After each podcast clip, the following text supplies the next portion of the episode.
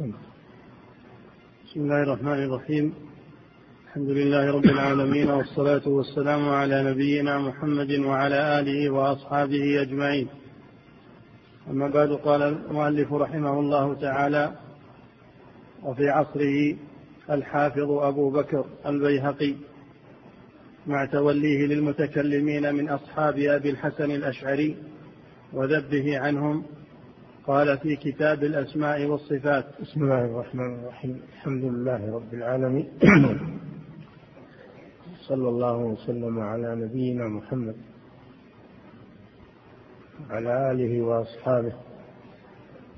ما زال الشيخ رحمه الله ينقل عن الأئمة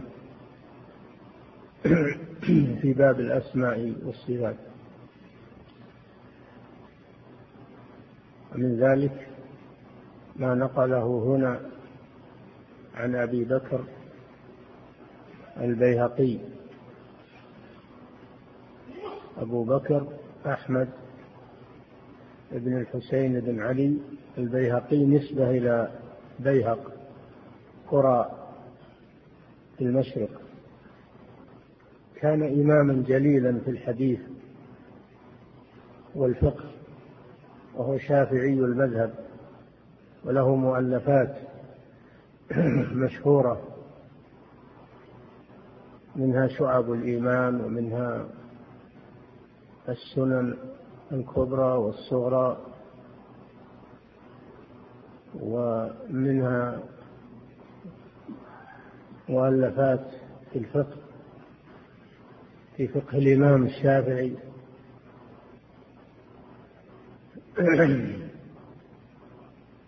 وهو إمام جليل. ولكن ومنها منها هذا الكتاب الذي ينقل منه الشيخ هنا وهو كتاب الأسماء والصفات.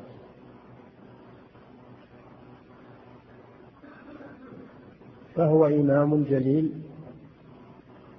ولكنه يميل إلى مذهب أبي الحسن الأشعري وهو من تلاميذ الحاكم أبي عبد الله الحاكم صاحب المستدرك.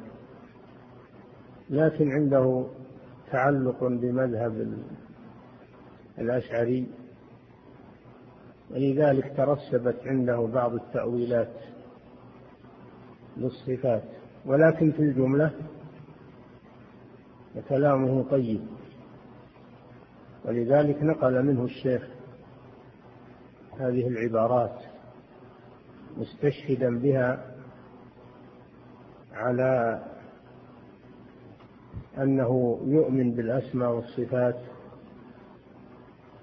على ما جاءت وإن كان قد يتسرب إليه بعض التأويلات. نعم. وفي عصره الحافظ أبو بكر البيهقي مع توليه للمتكلمين من أصحاب أبي الحسن الأشعري. متكلمين مراد بهم الذين يستدلون بعلم الكلام وعلم المنطق. على العلوم العقلية الأدلة العقلية. هؤلاء هم المتكلمون لأنهم يستعملون علم الكلام وهو علم الجدل في أسماء الله وصفاته يسموا بالمتكلمين. ذما لهم هذا اللقب ذم لهم. نعم. مع توليه للمتكلمين من أصحاب أبي الحسن الأشعري وذبه عنهم. وأبو الحسن الأشعري هو علي بن سعيد. أبو الحسن الأشعري نسبة إلى إلى أبي موسى الأشعري لأنه من ذريته.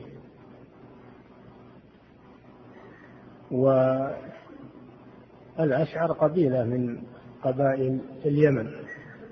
منهم أبو موسى الأشعري رضي الله عنه عبد الله بن ميمون بن قيس الأشعري الصحابي الجليل. وسمي بالأشعري نسبة إلى هذا الصحابي. وهذا الإمام اللي هو أبو الحسن الأشعري كان في الأول على عقيدة المعتزلة.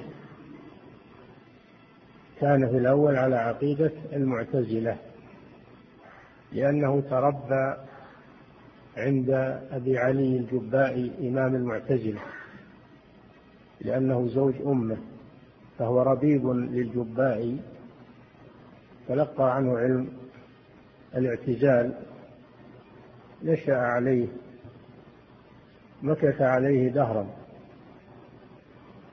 ثم إنه مقته وأبغضه. وفي يوم الجمعة بعد الصلاة وقف أمام الناس وتبرأ من مذهب المعتزلة وقال أخلعه كما أخلع ثوبي هذا فخلع الثوب الذي فوق ثيابه وتبرأ من مذهب المعتزلة وصار يرد عليهم. لكنه انتقل إلى مذهب الكلابية إلى أبي سعيد بن كلاب وهو من المتكلمين وعنده تأويلات للصفات.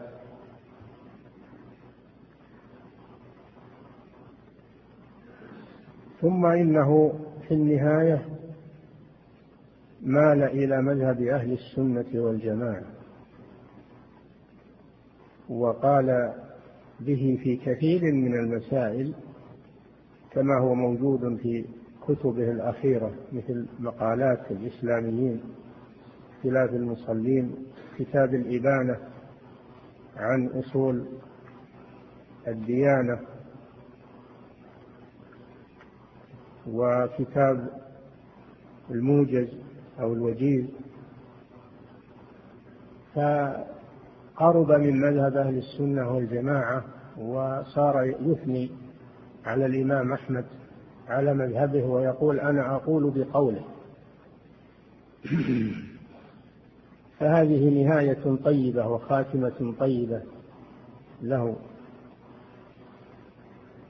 وإن كان بقيت عنده بعض الأشياء لكنها خفيفة و وتخلى عن مذهب ابن كلاب.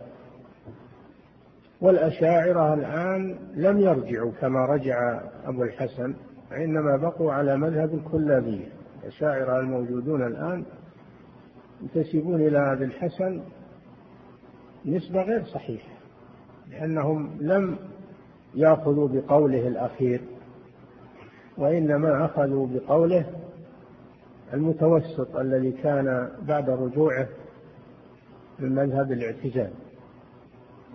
فبقوا عليه فانتسابهم إليه من باب الكذب. فليسوا أشاعرة. وأبو الحسن بريء منهم. وإنما الحقيقة أنهم كلابية. هذا هو الحقيقة. نعم. مع توليه للمتكلمين من أصحاب أبي الحسن الأشعري وذبه عنهم؟ قال نعم هذا مما يؤخذ على البيهقي رحمه الله. مما يؤخذ عليه أنه يذب عن المتكلمين يعني يدافع عنهم. يذب عن الأشاعرة. نعم. قال في كتاب الأسماء والصفات. باب كتاب الأسماء والصفات موجود ومطبوع ومتداول. نعم. باب ما جاء في إثبات اليدين صفتين لا من حيث الجارحة لورود ما جاء في إثبات اليدين لله سبحانه وتعالى. صفتين ذاتيتين له. صفتين ذاتيتين له جل وعلا. فنثبت أن لله يدين حقيقيتين. لا تشبه يدي المخلوقين. ولا نؤولهما بأن المراد بهما القدرة أو النعمة كما تقوله الأشاعرة ومن نحى نحوهم بل هما يدان حقيقيتان لله سبحانه وتعالى من صفاته الذاتية. وأما قوله الجارحة هذا لفظ الجارحة لم يرد نفيه ولا إثباته مثل لفظ الجسم لم يرد نفيه ولا إثباته فنحن لا لا نتلفظ به. لكن إن كان يقصد بالجارحة اليد الحقيقية فهذا حق. الله له يد حقيقية أما إن كان يقصد بالجارحة يعني مثل يد المخلوق فهذا صحيح. نفيه عن الله متعين. فله يدان ليستا كيدي المخلوق. هذا من حيث المعنى. أما من حيث اللفظ فلا شك أنه لم يرد. والذي لم يرد في كتاب ولا سنة يترك. نعم. باب ما جاء في إثبات اليدين صفتين لا من حيث الجارحة لورود خبر لا من حيث الجارحة. قلنا هذا اللفظ فيه إجمال. وكان الأولى أن يترك ولا يقال بالنفي ولا بالإثبات. لأنه لم يرد نفي ولا إثبات. نعم. لورود خبر الصادق به. لورود الخبر من القرآن ومن السنة خبر الصادق من القرآن ومن السنة. القرآن يقول الله جل وعلا لما خلقت بيدي خلقت بيدي يعني آدم عليه السلام. فخلق آدم بيده وهذا مما يتشرف به آدم على غيره. أن الله خلقه بيده سبحانه وتعالى وأسجد له ملائكته وعلمه أسماء كل شيء فضله على الملائكة بالعلم وبأنه خلقه بيده.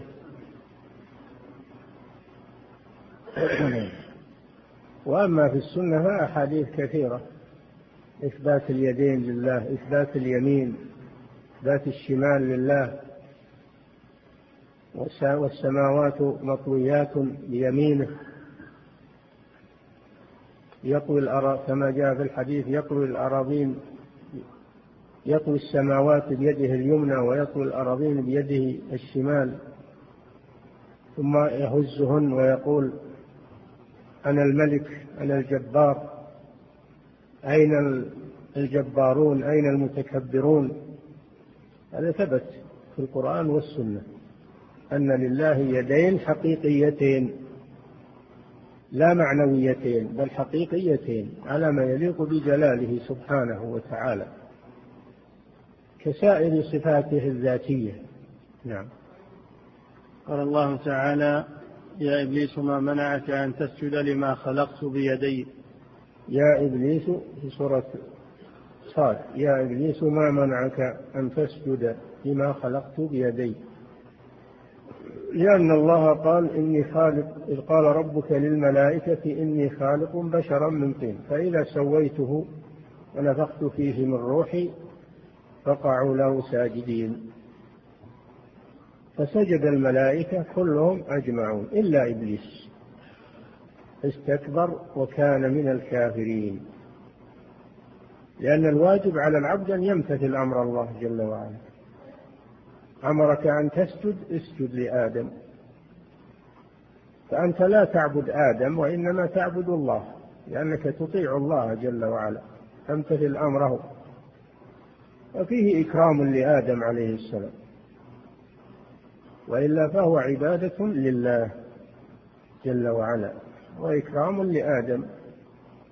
وتمييز له. ولذلك الملائكة لم لم يمانعوا بل سجدوا طاعة لله سبحانه وتعالى.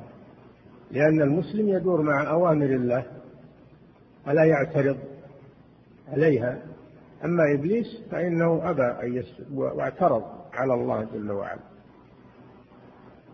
فلذلك طرده الله طرده الله وأبعده ولعنه وكفر بامتناعه من امتثال أمر الله كفر كفر بذلك. إلا إبليس أبى واستكبر وكان من الكافرين. الذي منعه من السجود لآدم هو الكبر. فهذا فيه دليل على قبح الكبر وأنه قد يؤول بصاحبه إلى الكفر والخروج من الملة. وأيضا الحسد حسد آدم قال أنا خير منه. حسد آدم عليه السلام على ما آتاه الله فحمله الحسد على أن كفر بالله عز وجل. وهذا فيه ذم الحسد فأنه قد يؤدي بصاحبه إلى الكفر بالله عز وجل. الذي منع اليهود والنصارى من اتباع الرسول محمد صلى الله عليه وسلم هو هاتان الآفتان الكبر والحسد. حسدوا نبينا محمد صلى الله عليه وسلم وحسدوا هذه الأمة وتكبروا فكفروا بذلك. نعم. وقال الله تعالى بل يداه مبسوطتان. نعم. وقالت اليهود يد الله مغلولة. يعني أن الله بخيل يعنون بذلك أن الله بخيل وصفوه بالبخل. وقالت اليهود يد الله مغلولة غلت أيديهم بل هم الموصوفون بالبخل. ولذلك ما أبخل من اليهود ما أبخل من اليهود أبدا. هو أبخل الناس. وهذا على امتداد الزمان. فاليهود أبخل الناس. غلت أيديهم. ولعنوا بما قالوا. طردوا من رحمة الله. طردهم الله من رحمته وأبعدهم بسبب أنهم سبوا الله عز وجل وقالوا إن الله بخيل يد الله مغلولة يعني أن الله بخيل. ثم قال جل وعلا بل يداه مبسوطتان يداه اليدان الحقيقيتان مبسوطتان بالإنفاق. ليس بخيلا سبحانه وتعالى. كيف يكون بخيل وينفق على الخلق ويرزقهم من خلقهم إلى أن تقوم الساعة؟ هذا بخيل. ينفق كيف يشاء. لذلك كل الخلق من الآدميين والبهائم والحشرات والدواب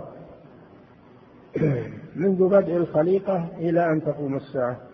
كلهم يأكلون من رزق الله سبحانه وتعالى. هل هذا بخيل؟ تعالى الله عما يقولون.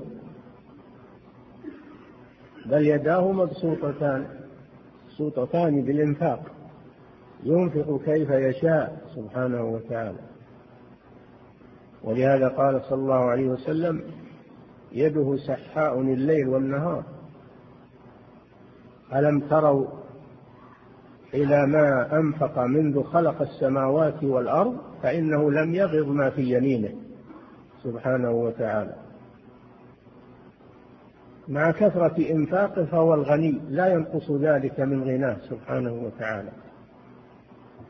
نعم. وذكر الأحاديث الصحاح في هذا الباب مثل الأحاديث الصحاح في هذا الباب يعني في باب إثبات اليدين. لله عز وجل. لأن الباب باب إثبات اليدين صفتين لله جل وعلا. ذكر الآيات ثم ذكر الأحاديث الصحاح التي بلغت درجة الصحة. والحديث الصحيح هو ما رواه عدل تام الضبط من بداية السند إلى نهايته مع السلامة من الشذوذ والعلل هذا هو الحديث الصحيح. ويحتج به في التوحيد والعقيدة ولو كان خبر آحاد. ما دام أنه صحيح إنه يحتج به. ما صح عن رسول الله صلى الله عليه وسلم فهو حق. يحتج به في العقائد بخلاف علماء الكلام الذين يقولون إن خبر الآحاد لا يحتج به في باب الأسماء والصفات في باب التوحيد. لأنه عندهم يفيد الظن. أما عند أهل السنة فهو يفيد العلم. ما دام أنه صح عن رسول الله صلى الله عليه وسلم فهو يفيد العلم لا الظن. نعم. وذكر الأحاديث الصحاحة في هذا الباب مثل قوله في حديث الشفاعة. أما الأحاديث الضعيفة فلا يحتج بها في باب الأسماء والصفات إنما يحتج بالصحاح. نعم. مثل قوله في حديث الشفاعة يا آدم أنت أبو البشر خلقك الله بيده ونفخ فيك من روحه. حديث الشفاعة حينما يتقدم أهل الموقف إلى آدم أبي البشر يطلبون منه أن يشفع لهم عند الله جل وعلا ليريحهم من الموقف فيصفونه بهذه الصفات أنت أنت أبو البشر خلقك الله بيده وأسجد لك ملائكته. الشاهد في قوله خلقك الله بيده. هذا كلام الرسول صلى الله عليه وسلم بسند صحيح. وهو مثل الآية لما خلقت بيدي. نعم.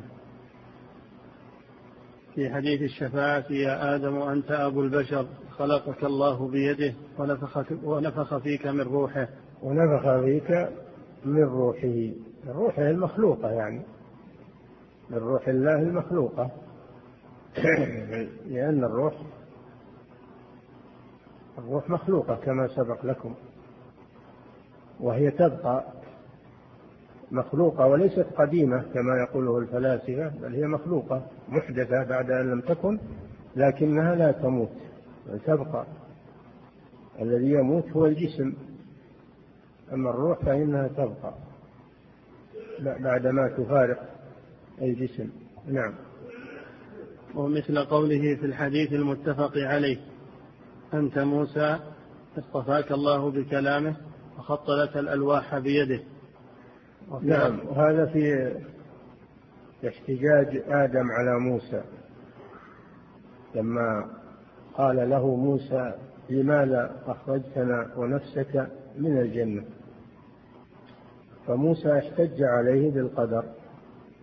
قال أنت موسى آه، كليم الله وقد خط الله لك التوراة بيده. هذا محل الشاهد أن الله كتب التوراة بيده سبحانه وتعالى. هذه ثلاثة أمور. خلق آدم بيده كتب التوراة والألواح بيده وغرس جنة عدن بيده سبحانه وتعالى. ثلاثة أشياء الله جل وعلا أوجدها بيده. ففيه إثبات اليد لله سبحانه وتعالى. نعم. أنت موسى اصطفاك الله بكلامه وخط لك الألواح بيده. الألواح ألواح التوراة. التي ذكر الله جل وعلا أن موسى عليه السلام ذهب لموعد الله ليتلقى منه الألواح ألواح التوراة. لما ذهب حصل لبني إسرائيل فتنة فعبدوا العجل. ثم لما جاء موسى غضب وألقى الألواح من الغضب. ألقى الألواح من شدة الغضب. لله عز وجل فتكسر شيء منها من شدة الغضب. فلما سكت عن موسى الغضب أخذ الألواح ألواح التوراة. نعم. وخط لك الألواح بيده وفي لفظ وكتب لك التوراة بيده. أي نعم. فهذا هذا يدل على فضل التوراة وأنها من الكتب الفاضلة التي خصها الله بهذه الميزة أن الله كتبها بيده سبحانه وتعالى. نعم. ومثل ما في صحيح مسلم وغرس كرامة أوليائه في جنة عدن بيده. نعم يعني هذه هذه الأحاديث الثلاثة فيها أن الله كتب التوراة بيده وخلق آدم بيده وغرس جنة عدن بيده سبحانه وتعالى. فجنة عدن تتميز على سائر الجنان لأن الله غرس أشجارها بيده سبحانه وتعالى. فنحن نثبت هذا لله عز وجل ولا نتدخل بأفهامنا أو بعقولنا. نحن أعلم نحن أعلم من الرسل عليهم الصلاة والسلام. هم أثبتوا هذا لله عز وجل وهم أعلم الناس به. والله أثبته لنفسه ما خلقت بيدي وهو أعلم بنفسه وبغيره. فكيف نتدخل نحن بالاستشكال والتأويل؟ الواجب أن نؤمن بذلك ونثبته من غير تدخل. نعم. ومثل قوله صلى الله عليه وسلم تكون الأرض يوم القيامة خبزة واحدة يتكفاها الجبار بيده كما يتكفى أحدكم خبزته في سفرته نزلا لأهل الجنة؟ نعم في بقيام الساعة تتحول الأرض تتحول نعم أعد الحديث. تكون الأرض يوم القيامة تتحول الأرض إلى خبزة. الله قادر على كل شيء. الأرض تتحول إلى خبزة يتكفأها يعني يميلها الجبار جل وعلا بيده. كما يتكفأ أحدكم خبزته نزلا لأهل الجنة. الخبزة هذه تكون نزلا يعني ضيافة ضيافة لأهل الجنة يأكلون منها. نعم الشاهد يتكفأها بيده هذا فيه إثبات اليد لله سبحانه وتعالى. نعم. تكون الأرض يوم القيامة خبزة واحدة يتكفأها الجبار بيده كما يتكفأ أحدكم خبزته في سفرته. نزلا لأهل الجنة. ضيافة لأهل الجنة نعم. وذكر أحاديث مثل قوله بيدي بيد ذكر يعني البيهقي ذكر أي البيهقي نعم. مثل قوله بيد الأمر. مثل قوله بيدي الأمر في حديث يؤذيني ابن آدم يسب الدهر وأنا الدهر بيدي الأمر أقلب الليل والنهار. الشاهد في قوله بيدي الأمر فيه إثبات اليد. لله سبحانه وتعالى. نعم. وقوله والخير في يديك. قوله صلى الله عليه وسلم والخير في يديك. هذا قاله صلى الله عليه وسلم في حديث الاستفتاح من قيام الليل. انه كان يستفتح ويقول لبيك وسعديك والخير في يديك. الشاهد في قولها الخير في يديك. فأثبت لله اليدين. نعم. والذي نفس محمد بيده. وكذلك النبي صلى الله عليه وسلم كان إذا حلف يقول والذي نفس محمد بيده. فيه إثبات اليد لله سبحانه وتعالى. نعم. إن الله يبسط يده بالليل ليتوب مسيء النهار ويبسط يده بالنهار ليتوب مسيء الليل. نعم وهذا فيه إثبات اليد لله وأن الله يبسطها بالليل يتوب مسيء النهار. ليتوب مسيء الليل ويبسط يده بالنهار ليتوب مسيء النهار. الشاهد أن الله يبسط يده يده بل يداه مبسوطتان. ففيه إثبات اليد اليد لله وأنها مبسوطة لقبول التوبة من عباده. نعم. يبسط يده إن الله يبسط يده بالليل ليتوب مسيء النهار. مسيء النهار نعم. والعكس ويبسط يده بالنهار ليتوب مسيء الليل. نعم. وقوله المقسطون عند الله على منابر من نور عن يمين الرحمن وكلتا, وكلتا يديه يمين. المقسطون يعني العادلون. القسط هو العدل. القسط هو العدل. فالمقسطون الذين يعدلون في في أهلهم وما وما ولوا يكونون يوم القيامة على يمين الرحمن إكراما لهم. فيه إثبات اليمين لله سبحانه وتعالى. نعم.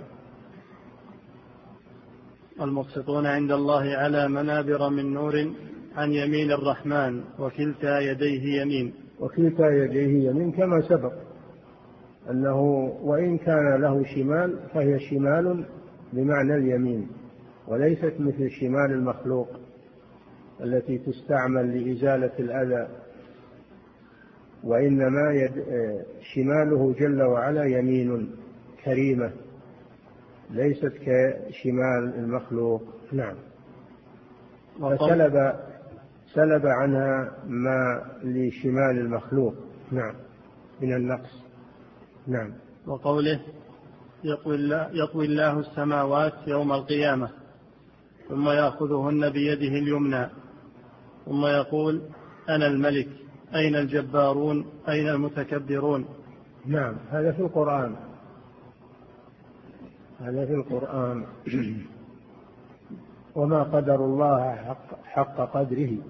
والأرض جميعا قبضته يوم القيامة كما سمعتم في أنها يتكفأها بيمينه. والأرض جميعا قبضته يوم القيامة والسماوات مطويات بيمينه جاء في الحديث إن الله يطوي السماوات بيمينه ويطوي الأرض بشماله ثم يهزهن ويقول أنا الجب أنا الملك أنا الجب أنا أنا أنا الملك أين الجبارون أين المتكبرون؟ أعد الحديث. يطوي الله السماوات يوم القيامة ثم يأخذهن بيده اليمنى ثم يقول أنا الملك أين الجبارون أين المتكبرون؟ ثم يوم نطوي السماء كطي السجل للكتب والسماوات مطويات بيمينه فالأرض بيد والسماوات بيد على سعتهما وعظمهما ولكن الله جل وعلا أعظم من كل شيء وأكبر من كل شيء. نعم. ثم يطوي الأراضين بشماله ثم يقول أنا الملك أين الجبارون أين المتكبرون؟ الذين كانوا في الدنيا. أين الجبارون الذين كانوا في الدنيا يتجبرون على الناس ويتكبرون؟ على الناس ويظلمون. أين ذهبوا؟ لماذا لا ي... لماذا لا يظهرون؟ فهم فهم خاضعون لله عز وجل منقادون له جل وعلا. نعم. وقوله يمين الله ملأى لا يغيضها نفقة سحاء الليل والنهار. أرأيتم ما أنفق منذ خلق السماوات والأرض؟ فإنه لم يغض ما في يمينه وعرشه على الماء وبيده الأخرى القبض يخفض ويرفع. نعم في إثبات اليدين لله عز وجل وأنه سبحانه وتعالى أن أن أن يمينه ملأى لا تغيضها نفقة سحاء الليل والنهار. ألم تروا ماذا أنفق منذ خلق السماوات؟ فإنه لم يغض لم ينقص ما في يمينه سبحانه وتعالى لأنه الغني. الإنسان إذا أنفق ينفد ما عنده ما عندكم ينفد وما عند الله باق لكن الله جل وعلا ينفق ولا يغيظ ذلك مما عنده ولا ينقص من غناه سبحانه وتعالى. نعم أعيد الحديث. يمين الله ملأى لا يغيضها نفقة سحاء الليل والنهار. أرأيتم ما أنفق منذ خلق السماوات والأرض؟ فإنه لم يغض ما في يمينه. وعرشه على الماء. وعرشه على الماء هذا فيه إثبات العرش. الماء المراد به البحر الذي فوق السماوات. وفوقه الكرسي وفوق الكرسي العرش وفوق العرش رب العالمين كما جاء في الحديث. نعم.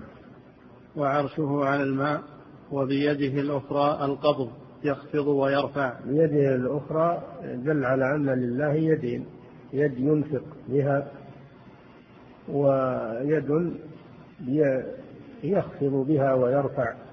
نعم. وكل هذه الأحاديث في الصحيح. كل هذه الأحاديث التي ذكرها البيهقي في الصحيح يعني في صحيح البخاري أو صحيح مسلم كلها في أحد الصحيحين أو في كليهما. فهي أصح حديث في السنة ما كان في الصحيحين أو في أحدهما فإنه أصح حديث في السنة. نعم. وذكر أيضا قوله إن الله لما خلق آدم قال له ويداه مقبوضتان اختر أيهما شئت.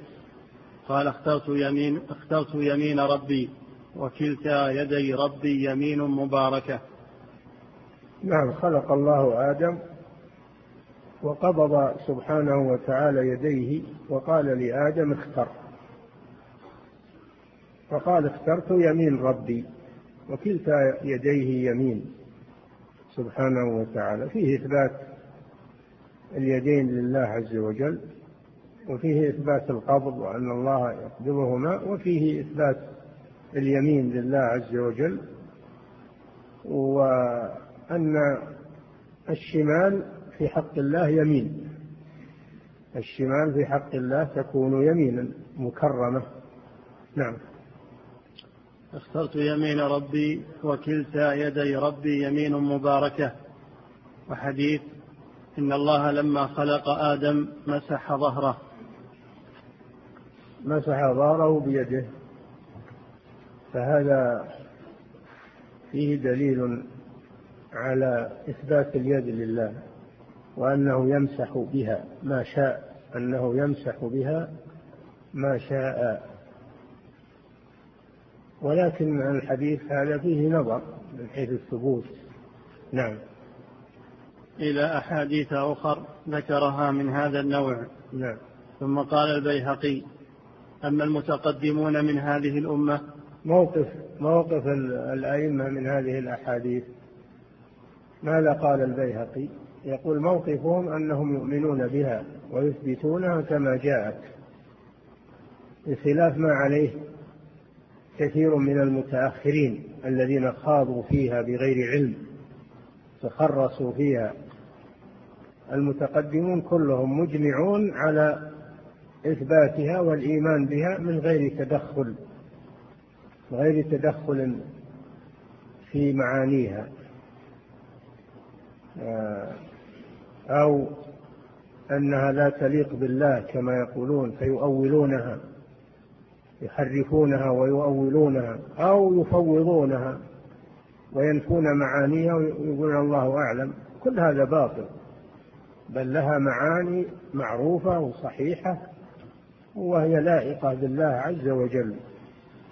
هذا مذهب سلف هذه الأمة ومذهب من سار على نهجهم ممن جاء بعدهم من الأئمة. نعم. ثم قال البيهقي أما المتقدمون من هذه الأمة فإنهم لم يفسروا ما كتبنا من الآيات والأخبار في هذا الباب. لم يفسروا ليس معناه أنهم لم يبينوا معانيها. لم يفسروا يعني لم يؤولوها. مراد بالتفسير هنا التأويل. وكما جاء في كلام الإمام أحمد رحمه الله أمروها كما جاءت من غير تفسير. يعني من غير تفسير المؤولة الذين أولوها عن ظاهرها وحرفوها. أما تفسيرها بالمعنى الصحيح فهذا حق. نعم.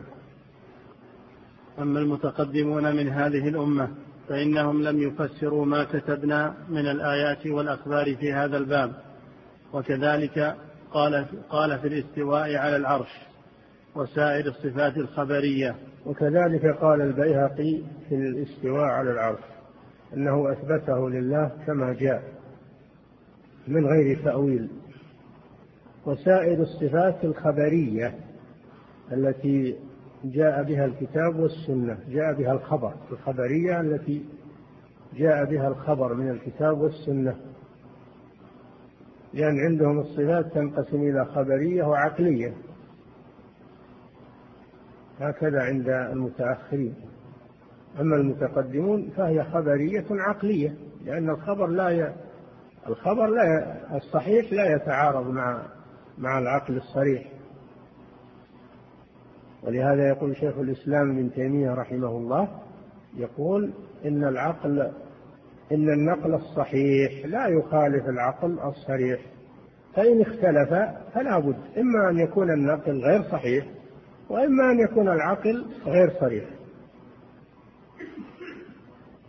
نعم. ولهذا له كتاب له كتاب مشهور يسمى درء تعارض العقل والنقل. أبد لا يتعارض العقل الصحيح مع لا يتعارض العقل الصريح الذي ليس فيه آفة ولا لوثة. لا يتعارض مع النقل الصحيح. نعم. وكذلك قال في الاستواء على العرش وسائر الصفات الخبرية مع أنه يحكي قول بعض المتأخرين. مع أن البيهقي رحمه الله يؤخذ عليه أنه يحكي قول بعض المتأخرين في التأويل. يؤخذ عليه هذا. ما اقتصر على مذهب السلف وهو الحق. نعم. وقال القاضي أبو يعلى انتهى من النقل عن الإمام البيهقي رحمه الله. انتقل إلى النقل عن أبي يعلى الحنبلي. أبو يعلى إمام جليل في الفقه وهو من كبار علماء مذهب الإمام أحمد وهو الذي في وقته نصر المذهب وأظهره. نصر المذهب ونشره وأظهره.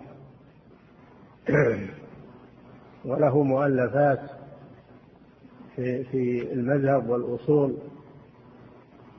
وله كتاب في العقيدة هذا النقل عنه. نعم. وقال القاضي أبو يعلى في كتاب إبطال التأويل. إبطال التأويل. إبطال تأويل الجهمية والمعتزلة والأشاعرة تأويل الأسماء والصفات. ردا على ابن فورك. ابن فورك ألف كتابا أول فيه الأسماء والصفات على مذهبهم فرد عليه أبو يعلى رحمه الله بهذا الكتاب إبطال التأويل. نعم. في كتاب إبطال التأويل لا يجوز رد هذه الأخبار ولا التشاغل بتأويلها. لا يجوز ردها وإنكارها لأنها أخبار صحيحة. ولا يجوز إثباتها مع تأويلها بل تثبت بدون تأويل بل هي على ظاهرها اللائق بجلال الله سبحانه وتعالى. هذا هو الحق. نعم. والواجب حملها على ظاهرها. اي نعم. الواجب حملها على معانيها الظاهرة. لأن هذه النصوص ما جاءت للألغاز والأحاجي وجاءت للتضليل وإنما جاءت للهداية وهي واضحة واضحة المعنى لا تحتاج إلى تعسف تكلف والتماس للتأويل لها هذا كله من مذهب أهل الباطل. أما أهل السنة والجماعة فإنهم يقبلونها على ما تدل عليه. ولا حصل منهم أي إشكال. ما حصل عندهم أي إشكال فيها. نعم. والواجب حملها على ظاهرها وأنها صفات الله لا تشبه بسائر الموصوفين بها من الخلق.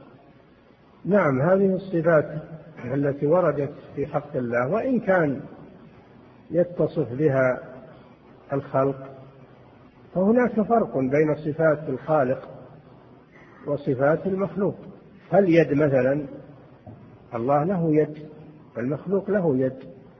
الله له وجه المخلوق له وجه. الله له أصابع والمخلوق له أصابع.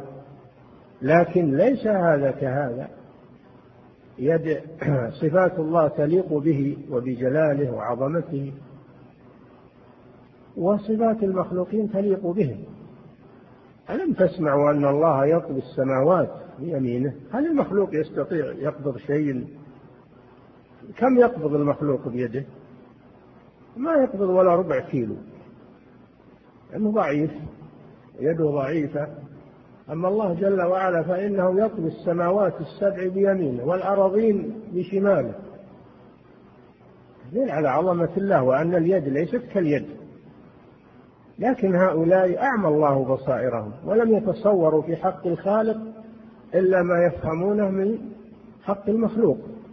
فهم قاسوا الخالق على المخلوق في هذه الأسماء والصفات وقالوا ننزه الله عنها.